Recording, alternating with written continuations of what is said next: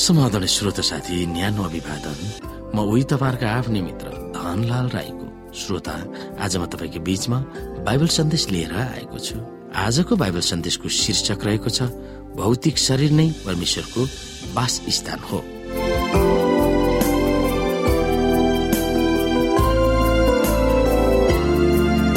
श्रोता साथी दैत्यवाद सिद्धान्त जसले मानिसको आत्मा र मरणशील भौतिक शरीर परक वा भिन्न भिन्नै छ भन्ने धारणाले बाइबलसँग नमिल्ने धेरै सिद्धान्तहरू उत्पादन गरेको छ। मानव शरीर आत्माको झ्यालखाना हो र मृत्युले आत्मालाई स्वतन्त्र पार्दछ भने पौराणिक ग्रिकका दार्शनिकहरूले सिकाएका थिए। यो मूर्ति पूजा वा प्राय जसो अन्य धर्महरूको शिक्षा हो। यसैले गर्दा शरीर अमर आत्माको स्थायी घर हो भनेर कतिपय इसाईहरूले पनि विश्वास गर्दछन्। पुनरुत्थानमा ती आत्माहरूको शरीरसँग पुनर्मिलन हुन्छ भनेर पनि तिनीहरूले विश्वास गर्छन्। फेरि त्यसको विपरीत परमेश्वरवाद वा परमेश्वर जीव अजीव दुवै रहनुहुन्छ भनेर विश्वास गर्नेहरूले मानव शरीर यस ईश्वरीय जगतको एक खण्डको भाग हो भनेर तिनीहरूले विश्वास गर्छन्। हामी विभिन्न विवादास्पद विषयहरूका सिद्धान्तहरूले घेरिएका छौँ। मानव स्वभावको बारेमा बाइबलले के सिकाउँछ त्यसमा हामी अडिक हुनुपर्छ। अरूहरूले जे सिकाए तापनि यदि त्यो शिक्षा बाइबलमा छैन भने त्यससँग हामी सहमत हुनु जरुरी छैन। हामीलाई बाइबलका विभिन्न पदहरूले सिकाउँदछ हाम्रो शरीर परमेश्वरको मन्दिर हो खुलस्त रूपमा भनेका छन्। यदि हाम्रो भौतिक शरीर पवित्र आत्माको मन्दिर हो भने यस भौतिक शरीरको संरचनालाई हिफाजत गर्नुपर्छ र यसमा हाम्रो जीवनशैलीले कसरी प्रभाव पार्छ सो आत्मसात गर्न के जरुरी हामी मान्दैनौ र? आउनु श्रोता हामी एक कुरन्तीको छ अध्यायको पुस्तकलाई हेरौँ। उन्नाइस पददेखि तिमीहरूको शरीर पवित्र आत्माको मन्दिर हो जुन पवित्र आत्मा तिमीहरूले परमेश्वरबाट पाएका छौ। र उहाँ तिमीहरूभित्र बास गर्नुहुन्छ भन्ने के तिमीहरूलाई थाहा छैन? तिमीहरू स्वयं आफ्नै होइनौ तिमीहरू मोल तिरेर किनिएका हो। यसकारण तिमीहरूका शरीरमा परमेश्वरको महिमा गर। यसकारण चाहे तिमीहरू खाओ अथवा पियो जेसुकै गर तर परमेश्वरको महिमाको निम्ति गर। एक कोरन्थी दश अध्यायको एकतिस। दुवै आदम र हब्बा परमेश्वरको स्वरूप र प्रतिरूपमा सृष्टि भएका थिए। हामीले उत्पत्तिको पुस्तकमा हेर्न सक्छौ। तिनीहरूको आत्मिक र मानसिक स्वभावद्वारा होइन शारीरिक पक्षले पनि परमेश्वरको स्वरूपलाई प्रतिबिम्बित गर्नुपर्दछ। हो पापले गर्दा त्यो स्वरूप बिग्रिएको छ र पापको सामु त्यो प्रतिरूप लुकिएको पनि छ।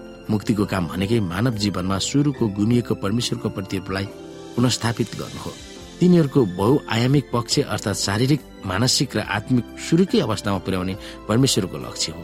आदम र हब्बाको पापले गर्दा जीवनको रुखको फल मानव जगतले खान पाएको थिएन तर जब तिनीहरू पुनस्थापित हुन्छ तब तिनीहरू त्यो रुखको फल खान पाउनेछ।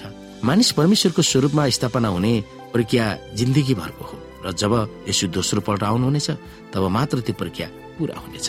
त्यस बेला यो नासवान शरीर अविनाशीमा परिणत हुनेछ र मरणशील आत्माले अमरत्व धारण गर्नेछ। एक कोरन्ती पन्ध्र अध्यायको त्रिपन्न र चौवन्न। आफ्नो मित्र गायसलाई प्रेरित हुनाले लेखेका थिए हेल्डरबाट मेरा प्रिय मित्र गायस जसलाई म साँचो प्रेम गर्दछु।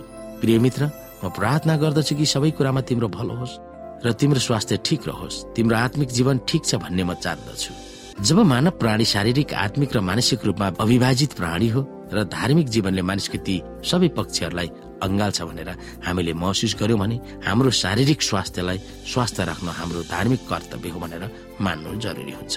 हामीलाई प्रेरणा दिएको नीतिले अगुवाई गर्नुपर्दछ।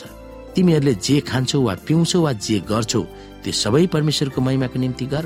यो पनि हामीले याद गर्नु जरुरी छ कि हामी अहिले यस्तो संसारमा छौँ जहाँ असल मानिसहरू जतिसुकै असलले भए तापनि वा भरसक्दो असल जीवन बिताउन प्रयास गरे तापनि मानिसको पापमय स्वभावले तिनीहरू दुःख कष्ट पाउँछन्। तिनीहरू पापमय वातावरणमा रहेकोले अनेकौं अप्रिय अनुभवहरू गर्नुपर्ने हुन्छ।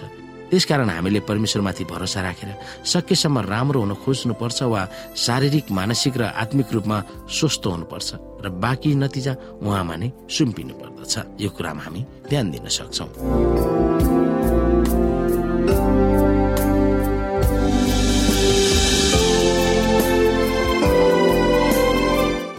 श्रोता साथी आजको लागि बाइबल सन्देश यति नै। हस्त नमस्ते जय मसिंह।